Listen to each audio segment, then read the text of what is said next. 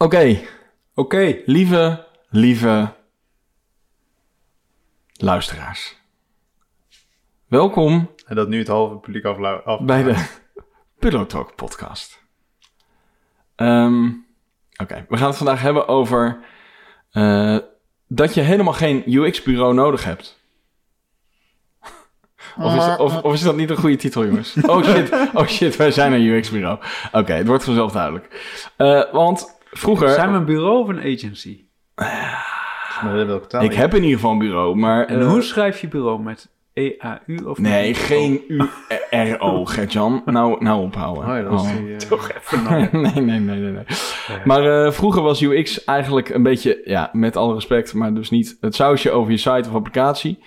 Eh, en was je website vooral een visitekaartje. En eh, had je eigenlijk dus niet echt dedicated designers nodig. Maar tegenwoordig zijn natuurlijk steeds meer organisaties afhankelijk van digitale producten en processen. Dus heb je dan nog wel een bureau nodig?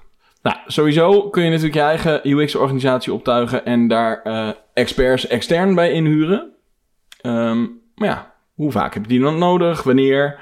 Kortom, wanneer heb je een bureau nodig en wanneer niet? Als je dat wil weten, hoe wij erover denken, blijf dan vooral luisteren.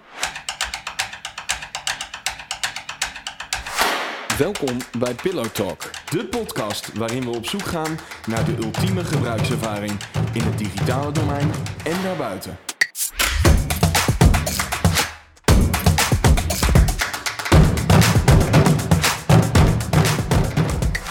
Ik ben Milan, account director mede-eigenaar van Pixpillow. Ik ben je wel verantwoordelijk voor de techniek bij Pixpillow en ook mede-eigenaar. En ik ben Geert-Jan, ook mede-eigenaar. En verantwoordelijk voor ontwerp. Yes. Of moet ik zeggen, UX. UX. Oeh. Nou ja, dat valt. Dat, als je wil weten of dat dan onder design valt of andersom, dan moet je de vorige podcast luisteren, want daar leggen we dat uit. Leuk, en zie wat je dit daar. Maar ehm, hoe, eh, hoe is het met jullie? Want eh, het is, eh, eh, nou ja, je kan dit natuurlijk eh, over een half jaar luisteren en dan is het niet meer heel relevant. Maar nu is het eh, een beetje de overgang van zomer naar wintertijd. Ik weet nooit hoe het, eh, hoe het heet. Of Ja. het is Dit, gewoon is de winter. echte, dit is de echte tijd, toch? Oh, is dat? Oh ja, zomertijd is iets, eh, iets eh, Afwijkend. afwijkends. Ja, Het zijn natuurlijk Anyway. eigenlijk alle twee artificiële dingen. Ik, Het is, het is weer veel donker. het is veel donker. En de maatregelen zijn weer aangescherpt. Dus het is kommer En het wordt kouder. en kwel. Ja. Ja. En er zijn honderdduizend verplichtingen, eh, zoals Sint Maarten, Sinterklaas komt eraan. De uitnodigingen voor de De kerst zijn alweer verstuurd hele- vanuit de schoonmoeders. Dus we gaan eh, Ja. weer even afzien. Hè? Ja, of we gaan leren of, eh, of we nu wel mee Ja, nu, kunnen moet je zeggen. weer, nu moet je weer een excuus bedenken. Ja. Shit. Ja, mag Sint Maarten nog? Langs de deur. Nu met mondkapjes, maar dat eet zo moeilijk. Ja, buiten hoef je toch geen mondkap. Maar Mijn mandarijntjes zijn man. al per stuk verpakt. Hè? Ik ben het helemaal, eh, helemaal kwijt. Net, Ik net was ik op de zwemles en dan moest ik bij de ingang een QR-code scannen. En, en bij de ingang van het zwembad was er dan ook één. En dat is dan de een is van het zwembad zelf en de andere van de, de organisatie van, de vast, eh, van het gebouw, zeg maar. Van de oncampus. En de andere is van de zwemschool. Waar, Oh, waar dus die hebben dubbele check. Ja, uiteindelijk bleek het ook alleen bij die... Dat ik gewoon door mag lopen bij de eerste. omdat ik kwam voor de zwemschool. Oh, ja. Dus het is, eh, het is overigens niet dat ik probeer niet een mening hier doorheen te laten, maar het is gewoon dat het ingewikkeld is en, en dat het er ook niet per se leuker op wordt. Dus ik hoop dat het, eh, dat het na, eh, dat, nou ja, het zal, het zal wel nog wel eventjes twee maanden sowieso wel duren, maar eh, eh, nou, ik heb nu alweer zin in de lente, laat ik het, laat ik Ja, het maar en- eh, zo zeggen. En het is gewoon weer even wennen. Ik liep Ja. de gamma in gisteren en toen eh, zei iemand, oh, je hebt je mondkapje niet op. Ik dacht, oh ja, Oh ja, sorry. vergeten. Ja. Oké.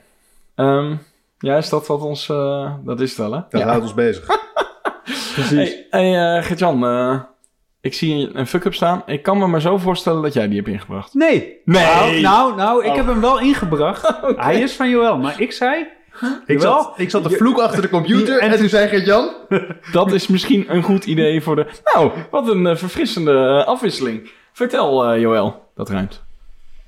Uh, ja, onze zakelijke creditcards die zijn van ING. Mm -hmm.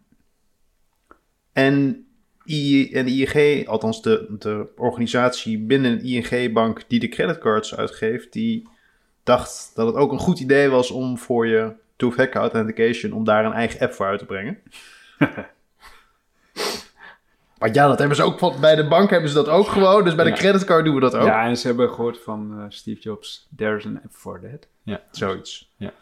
Eh, dus dat is een tool waar ik, ik één keer in de maand op inlog om alle statements te downloaden. En daar heb ik dan een, eh, een speci- specifieke app voor nodig. Hmm. En dit keer werd ik geprompt om het wachtwoord te veranderen.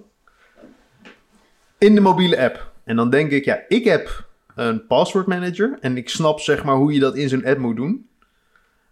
Maar het is echt, ja, voor een normaal mens, hoe kan je verwachten dat hij hier een secure wachtwoord gaat invoeren, die hij Ja. maar één keer gebruikt. Ja. En dan kom je door die crime heen en dan probeer ik in te loggen op de website. En dan word ik nog een keer gevraagd om het wachtwoord in te stellen. Blijkbaar omdat er ergens in mijn sessie nog hing dat ik een wachtwoord moest instellen of eh, opnieuw moest instellen. Dus echt, ik, ik vind het zo bijzonder dat ze ten eerste voor zoiets al bedenken. Kijk, dit is niet eens, gaat niet eens over geld overmaken. Dit is gewoon Nee. een omgeving waarin je je creditcard kan inzien. Ik bedoel, de beveiliging is nog beter dan wanneer je het geld uit wil geven. Ja, en als je met die en, en met een creditcard is, is, ze zijn sowieso niet heel fraudebestendig. Dus Nee. om hier nou opeens heel ingewikkeld over te gaan doen. Ja. Ja, dat is ook wel een goed punt, ja. ja. ik zag gisteren nog langskomen op Twitter, zodat je, eh, dat, dat je inderdaad een driecijferige code die achter op de creditcard geprint Ja. staat, dat Ja. dat zeg maar de beveiligingsmaatregelen Ja. zijn. Ja. Ja, en dan ga je heel moeilijk doen over je, over je administratieve omgeving, waar je dan de afschrijving kan downloaden. Ja, het, het sloeg weer helemaal nergens op. En eh, een aantal uh, nou, kreten later. Ik heb ze kunnen downloaden, maar het was Toch weer een uh, leidersweg. Ja, Oh, ja, was maar... was maar bitcoin. Was- Waarmee al ons betalingsverkeer werd. We gaan er niet over Ik heb ook een podcast geluisterd. Maar goed. Oké. Eh, eh, Oké, nou, thanks. Ik, eh, ik, ik vind eigenlijk dat... ehm, ja, je, je krijgt bij dit soort omgevingen... Ik weet, het, het zag er eerst ook echt heel slecht uit. Het ziet er nog steeds, heel slecht uit. Bij dat soort dingen krijg je gewoon echt zin. Ja, ik bedoel... Ik weet dat we... Dat is natuurlijk niet hoe wij dingen doen. Maar hierbij denk je gewoon...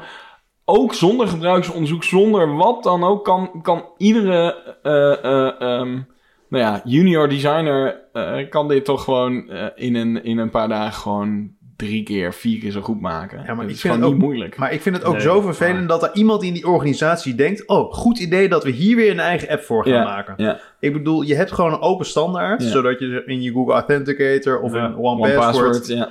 al die dingen neer kan zetten. En het enige waar ik die app voor gebruik... is om die OTP-code, zeg maar, te Ja. genereren. Ja, ja. En dan denk ik van, waarom is dit nou zo speciaal dat het moet? Kijk, met gewoon geld overmaken in je ING, met je ING-rekening of waar je dan ook maar bankiert. Ja. Daar kan ik dan inkomen. Mhm. Dat is echt iets eh, wat natuurlijk dagelijks gebruikt en dan wil je een bepaalde gebruikservaring. Maar voor zoiets ja, administratiefs. Overigens ook niet optioneel natuurlijk, hè, om hier een... eh, uiteraard niet. Nee. ja, Oké, nou, dus... ING, doe eens even normaal. Eh, luister je nou en heb je, heb je ook ervaring met een bank of met een creditcardsysteem eh, wat, wat ook niet helemaal optimaal is, dan zijn we daar wel benieuwd naar. Dus je mag altijd je, je UX fuck-ups eh, insturen en misschien komt die wel een keer aan bod. Stuur dan even een e-mailtje naar pillowtalk.pixpillow.nl en vergeet ons vooral niet te volgen op Instagram, at pillowtalkpodcast.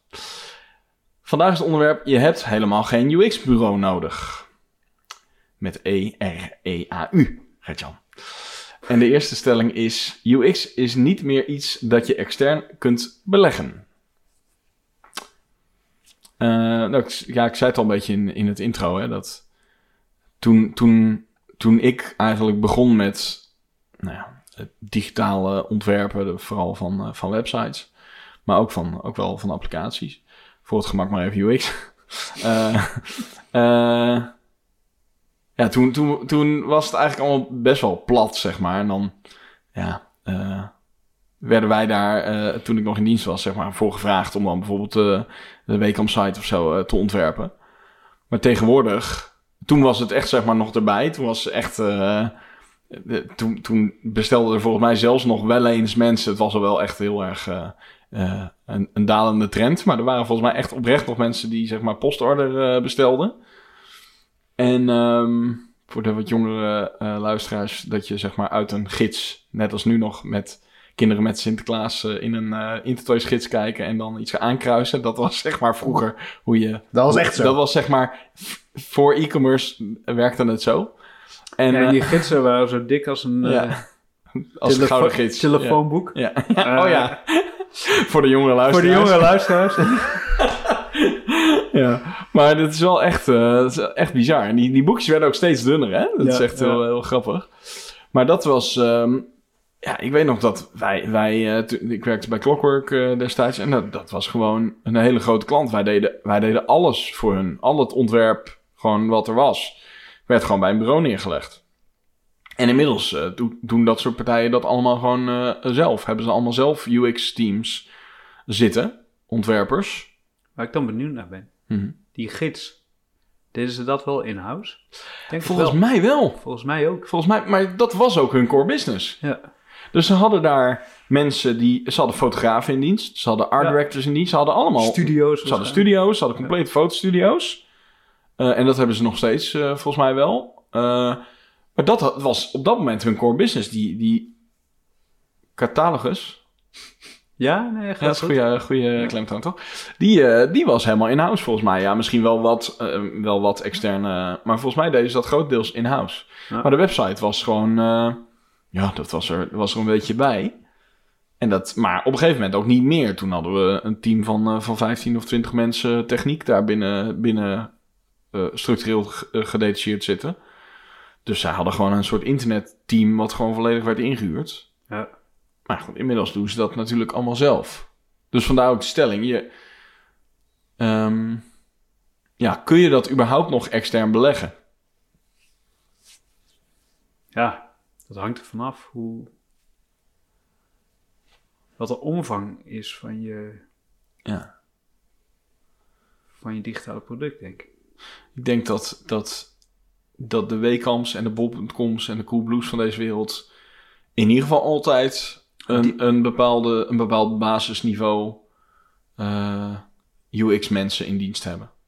Ja, dat denk ik ook. Maar, En, en zelfs als je dat niet hebt, dan heb je in ieder geval mensen in die organisatie nodig die snappen wat UX is en waarom het belangrijk is. Ja. Dat is denk ik nog weer een tweede. Het development doen dat soort partijen natuurlijk al heel lang zelf. Dat was in het verleden ook wel eens bij bedrijven als het om ontwerp ging, dat er, dat er ongoing ontwerp werd dan gedaan eh, eh, eh, in-house Mhm. door hunzelf. Mhm. Maar als er dan een nieuwe huisstijl of zo, dan werd een extern bureau zeg maar, het echt heel strategisch zelf positioneerde. En dat was natuurlijk heel frustrerend voor de, de, de ontwerpers die dan daar werkten. Want dan Mhm. kwam er eindelijk een keer wat leuks langs en dan werd het uitbesteed. Ja. Ik kan me voorstellen dat bij UX ook al een beetje zo is. Dat, dat gewoon eh, wat elke week moet, dat je dat zelf doet. Ja. Maar dat grote strategische... Ja, toch is het wel interessant. Hè, dat dat, misschien eh, eh, een externe partij aanraakt. ja, het is toch, toch wel interessant om na te gaan. Ik bedoel, wij, wij zijn natuurlijk eh, zelf de, voor, voor veel klanten de externe partij die zich hiermee bezighoudt. Maar er zijn toch blijkbaar, en misschien ligt het ook aan het type organisatie. Ik bedoel, eh, eh, sowieso denk ik dat, dat eh, kijk, ik weet dat, dat de Bob.coms en zo, eh, die sowieso reclame dingen, dus campagnes en zo vaak uitbesteden. Dat heb je niet zomaar, daar heb je niet zomaar de mensen eh, En dat is niet doorlopend. dat is niet doorlopend. Maar ik denk toch dat, dat zo'n zo'n bedrijf gaat echt niet... tenminste, ik, ik weet niet hoe groot hun, eh, hun UX-team is. Maar ik bedoel, dat ze het hebben, weet ik wel. Maar dat, ja, dat, die zullen toch de, de dagelijkse, de dagelijkse eh, dingen... toch het meeste aan hun platform, neem ik aan, zelf, eh, zelf doen. Ja, maar ik kan maar nog wel maar ook de huisstijl dat- is toch ook door... Was dat Studio Dunbar? Of was Nee, het... ja, die twee volgens mij eh, deed, deed dat best. Die update. Uit, uit, eh, Utrecht. Ja, dacht ik wel. Van dat lichtblauw naar het donkere blauw. Ja. Dat- dat- maar, maar, maar ook ehm, vals plat heb ik wel dingen voor bol eh, zien Ja. Dus kennelijk besteden ze af en toe toch wel dat soort dingen uit. Ja, maar misschien is dat ook te specifiek. Dat is natuurlijk heel erg het usability eh, verhaal. Ja. Maar ik denk, ik denk en, en het hangt ook denk ik ook wel af van, eh, van, van ik kan me voorstellen dat ehm, AB-tests, experimenten, dat je dat gewoon wel ook vaak in-house doet. Omdat dat zijn echt die doorlopende dingen die je gewoon wil monitoren, Ja. wil bijhouden. Nou, gewoon continu testen misschien ook wel. Ja. Maar ja, ik denk zelf dat, ja, dat, dat is wel tricky om, om te zeggen, denk ik. Maar ik denk dat hele goede ontwerpers, en dan gaat het niet zozeer om Mhm. UX misschien, maar misschien inderdaad meer campagne of visueel. Ik denk dat die niet zo snel bij zo'n eh, bedrijf gaan werken, want die hebben gewoon geen zin om Altijd. drie jaar lang in dezelfde huisstijl te zitten Nee. ontwerpen. Echt goede ontwerpers willen toch gewoon meer variëteit, tijd, denk ik, in Ja. hun werk. Ja. Dus ik denk, als je die nodig hebt, als je goede identity ontworpen eh, moet hebben, dan moet je toch naar een club die daarin gespecialiseerd is, denk ik. Ja. Ja, precies. Dat gaat dan heel erg over echt eh, wat meer identity en meer eh, branding en... en... Ja, maar applicatieontwerp, zoals, eh, nou, we hadden het net over ING. Daar zit een, eh, voor, denk ik toch, eh, heel goed team.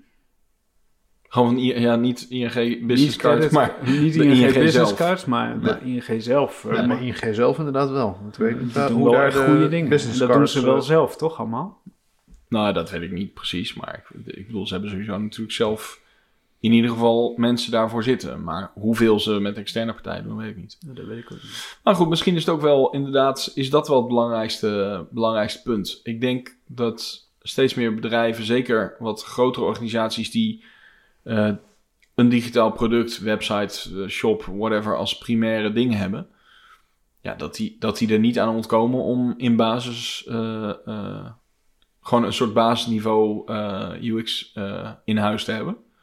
Maar dat je misschien juist voor af en toe de, de frisse blik eh, eh, of juist om de basis eh, neer te zetten, zeg maar, echt het, het designsysteem. Dat je daarvoor in ieder geval op zijn minst hulp inschakelt van buitenaf. Ja. En dan zelf daar misschien aan verder bouwt voor de dagelijkse, de lopende zaken. Nou, dat denk ik. Ja. Dus antwoord op de stelling is... ehm, UX is niet meer iets dat je extern kunt beleggen. Nou, dat is niet waar. Alleen het is wel steeds meer iets wat je in ieder geval voor een deel ook intern zou moeten hebben. In ieder geval wat je wel zegt, begrip ervoor. Ja. Ja, oké. Eh, stelling 2. Check, ja. Eh, UX vereist diepgaande kennis van product, organisatie en klant. Nou, Take it away. take it away. Wie wil? ik- ja, ik ben persoonlijk geneigd dat op het moment dat je werkt aan een product of aan een domein wat heel technisch is, dat je er bijna niet mee wegkomt door te zeggen dat je echt een periode nodig bent om bekend te raken met de terminologie, de uitzonderingen, de regels, de rare quirks die binnen zo'n product. Wij komen het vaak tegen Mhm. bij een groot aantal klanten dat we denken: oh, het is dat we dit al vijf, zes jaar voor die klant doen. Ja. Want anders dan was je hier finaal tegen de lamp gelopen. En ik denk dat het, heel, dat het verschil heel groot is tussen... Nou ja, als je iets meer campagne zeg maar doet en het staat echt los van het product. Maar op het moment dat het echt een... Iets, iets wat gebruikt wordt door iemand die een domein-expert is. Of als het bijvoorbeeld het, het, bepaald assortiment zeg maar raakt. Dat je dan al heel snel dingen gaat ontwerpen of gaat maken of bedenken die dan eigenlijk niet kloppen. En dat je dan vervolgens met Ja. een product owner of eh, mensen die meer, eh, meer kennis over het product hebben, dat je, ah, maar dit kan helemaal niet. En dat dat ook tot een bepaalde frustratie leidt. Ja. En ik denk dat het daardoor heel waardevol is. En dat is ook wat wij onderstrepen, dat een lange relatie met, de, met een bepaalde organisatie ervoor zorgt dat je dit soort dingen kan ondervangen. En dat je sneller naar zo'n Ja, maar dat is ook de reden dat wij eh, eh, doen wat wij doen en, en minder de reclamejongens meisjes zijn. Hè? Dat we- wij, wij, wij vinden het vooral leuk om iets te bedenken, juist, juist als we die diepgaande kennis hebben. En je moet ergens beginnen, Ja. maar je, voegt, je gaat steeds meer eh, waarde toevoegen als je Ja. begrip krijgt van het product. Dat is bij, bij, bij de meeste klanten. Ik bedoel, het is niet voor niks dat, dat wij bij veel klanten binnen zitten en dat. Eh, ik bedoel, eh, bij, bij, bij een aantal klanten geldt denk ik wel dat wij op een gegeven moment meer van het product weten dan, eh, dan, dan een aantal mensen die daar gewoon werkzaam zijn. Ja. Nou ja, dat is wat, wat je volgens mij Nou, altijd moet ambiëren als ontwerper. Ik moet ook denken aan, eh, we zijn ooit ingevlogen voor zo'n eh, eh, eh, een, een, een korte klus voor Microsoft reseller. Mhm. En ik weet nog, dat was vooral wireframen, Hmm. maar dat was wel ehm, pittig qua alle- Ja. alleen al ehm erachter komen hoe dat in elkaar zit. Zeker omdat wij zijn natuurlijk eh, al helemaal niet van die eh, Microsoft... eh, wij, wij zitten niet dagelijks in het Microsoft-ecosysteem. Hoe dat dan allemaal precies werkt. En, maar ook vooral inderdaad wat je wel zegt, het jargon wat je dan de hele tijd om je heen krijgt. Voordat je dat een beetje geïnternaliseerd hebt. Ja, Dat is, dat is gewoon pittig, ja. Maar het komt ook, denk ik, deels door, nou, wat Milan ook zegt, hoe wij zijn. We vinden het dan heel moeilijk om dan dat maar gewoon aan te nemen en dan het maar gewoon het sausje alleen eroverheen te gaan leggen. ja. Dan wil je niet iets gaan maken waarvan Ja, je, je- geen idee hebt of, of het überhaupt kan. Nee, je of wil klopt, dan een of- deep, deep understanding hebben of zo, toch? Maar toch is het grappig, hè? Want dat, wat ik net vertelde over die periode bij Weekamp. Toen ik begon met ontwerpen, had ik dat echt niet altijd. Wat had je niet? Nou ja, ik bedoel, dan maakte ik echt wel eens dingen eh, die gewoon ook wel eens gewoon. Ja, zonder dat je, dat, je, dat je helemaal precies de organisatie begreep of wat dan ook. Ik bedoel, de, dat is wel. Ik heb wel. Dat heeft natuurlijk deels te maken met senioriteit. Maar het heeft ook te maken met de volwassenheid van ons vakgebied. Van het digital design eh, eh, vakgebied, om maar zo te zeggen. Ik heb ook echt het idee dat dat het eerder ook gewoon dat je er makkelijker mee wegkwam om gewoon een, een cool plaatje te maken. Ja, en nu is het natuurlijk met het hele, hele de komst van, van gebruiksonderzoek en ja, is dat gewoon, kom je daar gewoon niet meer mee weg. Maar ja, ik heb vroeger wel eh, guilty, eh, echt wel, wel websites ontworpen dat ik nu denk van ja, dat was echt, dat was echt alleen maar afhankelijk van, op dinsdag had ik misschien wel een hele andere website ontworpen dan, dan op maandag. Ja. En dat is altijd natuurlijk bij ontwerp wel een, een dingetje, maar... Maar ik heb soms ook nog wel eens hoor, de- ook nu nog wel, dat... Oh, ja. Ja, maar dat je soms, door. dat je soms in isolatie een ding ontwerpt, Ja. eh, wat je dan eh, prima gebruiksvriendelijk doet, maar dat je dan helemaal niet per se de hele, het hele ecosysteem of de context daaromheen eh, snapt. En dat ik ook denk dat dat niet altijd nodig is. Nee, dat van, is ook van, dit onderdeel, dat werkt gewoon. Nou ja, Alleen als je langer voor een klant werkt, dan krijg je gewoon dat hele ecosysteem op een gegeven moment in je hoofd en, Ja. en veel domeinkennis. En eh, ja, dat helpt wel. Ah, en ik zit, het grijpt ook terug naar de eerste stelling. Want hè, wat voeg je nou toe als bureau? Eh, ik denk wel oprecht, dat is ook altijd wel iets wat, eh, nou ja, wat, wat we zeggen, is dat de, de kennis die wij opdoen bij het ontwerpen van een website voor een ziekenhuis of een applicatie eh, die in de zorg wordt gebruikt, ja, die kun je ook gebruiken in, eh, voor die ene klant in de, in de bouw of eh, voor die overheidsinstantie. Ja. Dus ik bedoel, het is ook wel dat, dat je als bureau eh, net wat meer verschillende eh, ehm, perspectieven meekrijgt dan dat je alleen maar bij één werkgever zit. Ja. En dat gewoon ook kan gebruiken.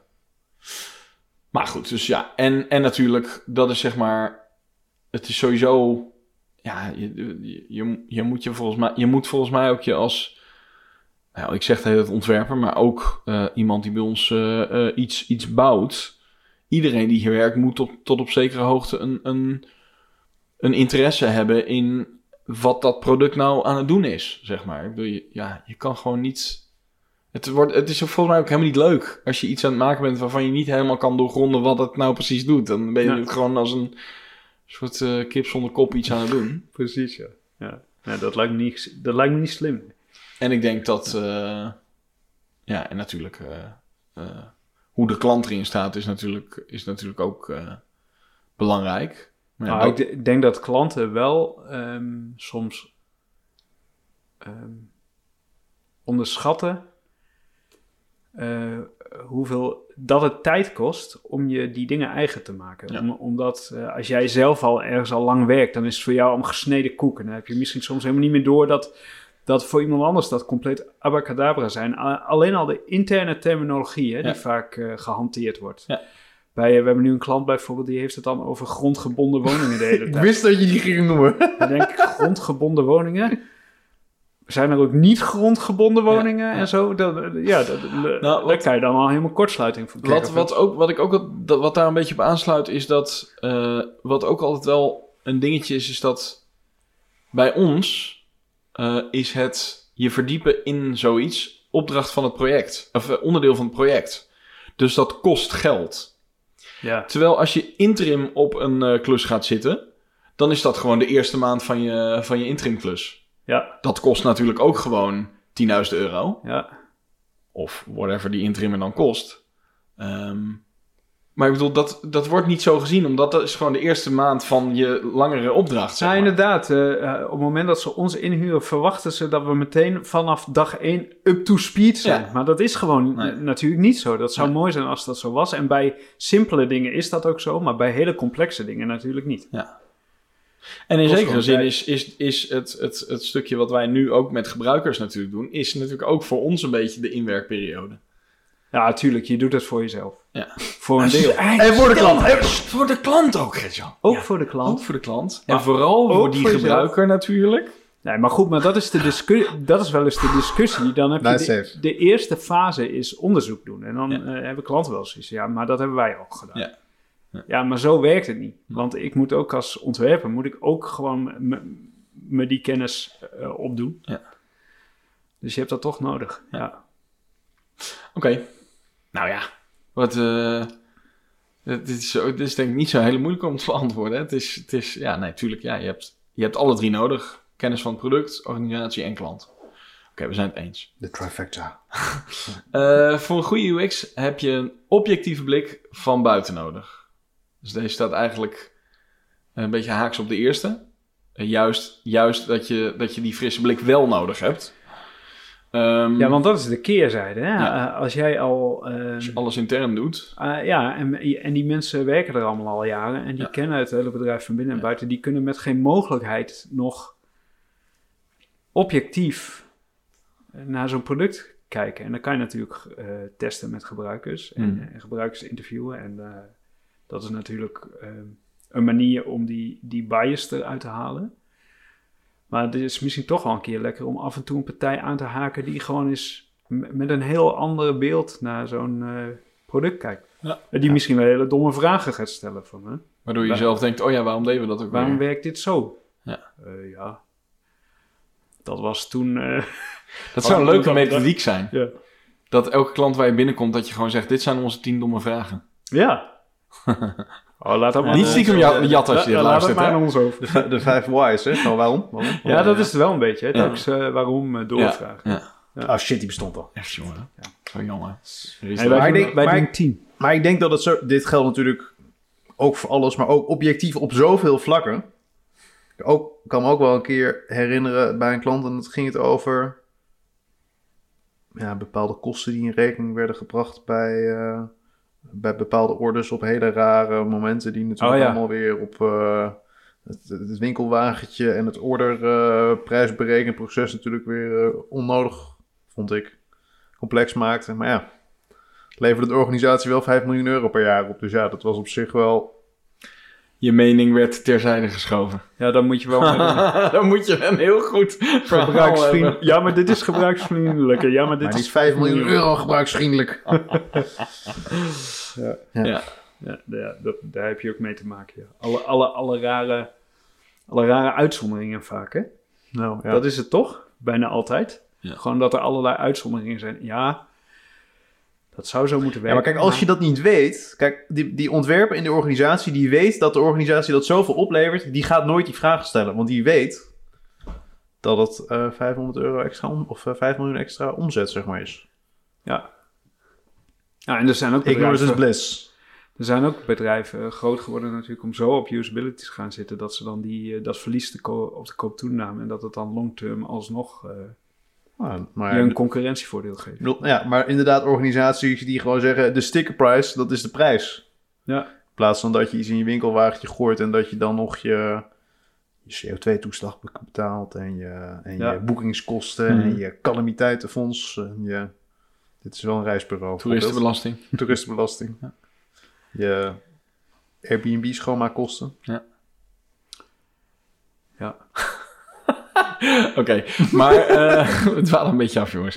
Eh, ja, ik, ik denk dat het sowieso wel... ehm, het- ook dit hangt natuurlijk inderdaad weer heel erg... een beetje zoals de eerste stelling wel af van de organisatie, maar...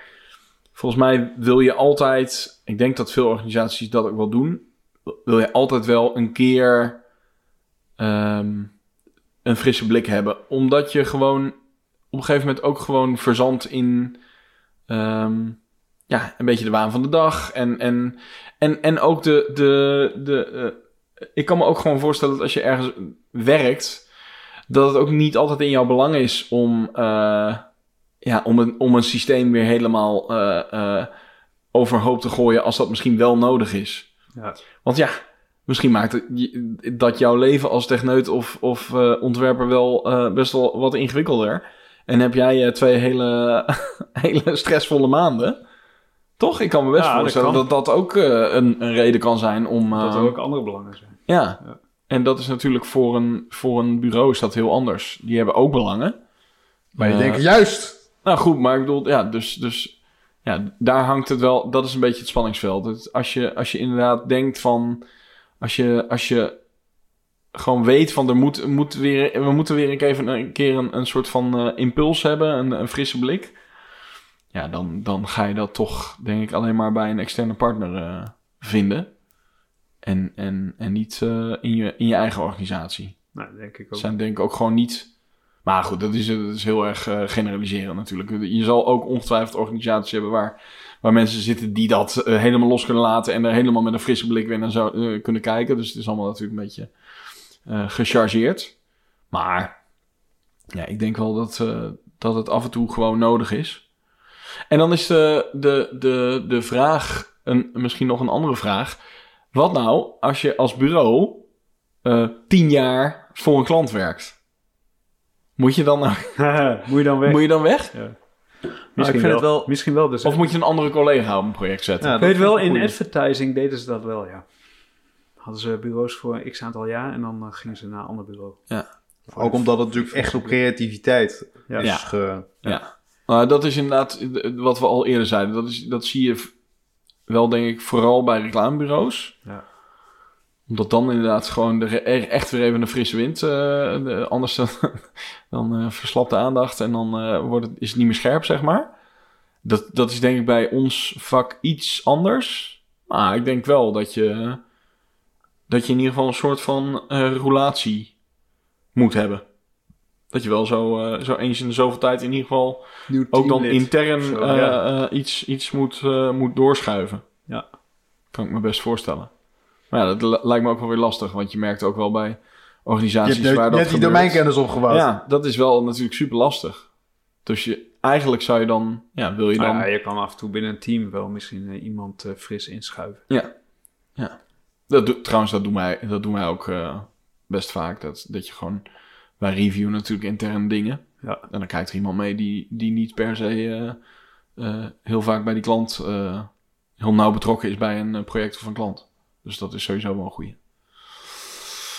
Oh, wat zijn we eensgezind Ja, hè? vandaag. Oké. zou samen iets moeten gaan doen. En, en de, het, het, ehm, ja, dit is een beetje lastig, want op het moment dat deze podcast live staat, is de UX Meetup geweest. Maar op het moment dat we het opnemen, kunnen we er nog niet zo heel veel over zeggen, want hij is morgen voor ons dan nu. Ehm, maar het is misschien wel leuk om daar even een kleine referentie naar te maken, want eh, dit onderwerp komt niet helemaal uit de lucht vallen. Wij hebben natuurlijk onze kijk op eh, UX, maar eh, als je dan bij een corporate organisatie of bij, een, bij een bedrijf werkt waar dat zelf georganiseerd is, dan, ja, dan heb je daar waarschijnlijk je eigen kijk op. En dat hebben Rolf en Charita van Infinitas eh, Learning, die spreken op onze UX Meetup. Eh, dus op het moment dat deze podcast live staat, kun je, dat, eh, kun je die presentatie kun je terugkijken. Dat kan. Ik zal kijken of ik een link in de omschrijving of zo kan toevoegen. Dat weet ik nog niet helemaal zeker. Maar je kan sowieso eventjes zoeken naar UX Meetup Zwolle op, op YouTube. En dan vind je ongetwijfeld de, de livestream terug die je dan kan terugkijken. En daar, vertelt Gert-Jan over, eh, over onze kijk op UX eh, eh, en UX research binnen, binnen ons bureau. En daar vertellen Rolf en Shrita vanuit corporate kant over hoe dat binnen Infinitas Learning werkt. Dus dat is zeker de moeite waard om even te, te checken. En vind je nou nadat je dat hebt gekeken of nou ja, nadat je dit hebt geluisterd ook iets over het onderwerp? Werk je bij een corporate en ja, herken je er wel in of niet in? Eh, dan zijn we daar natuurlijk wel benieuwd naar. Eh, want wij hebben wel wat ervaring natuurlijk, maar niet echt helemaal dat wij aan de klantkant hebben gezeten. Dus eh, daar zijn we dan wel benieuwd naar. Nou, dat kan naar hetzelfde e-mailadres als wat ik al eerder noemde. pillowtalk.pixelpillow.nl En volg ons even op Instagram, podcast. Dan krijg je een berichtje als er een nieuwe aflevering is. En als je daar je berichtje wil sturen over jouw ervaringen met UX binnen een corporate omgeving of binnen een bureau, dan eh, kun je dat ook daar na- naartoe sturen via een eh, DM'tje. Alright. Ehm, tot eh, de volgende. Adios. Dag, dag.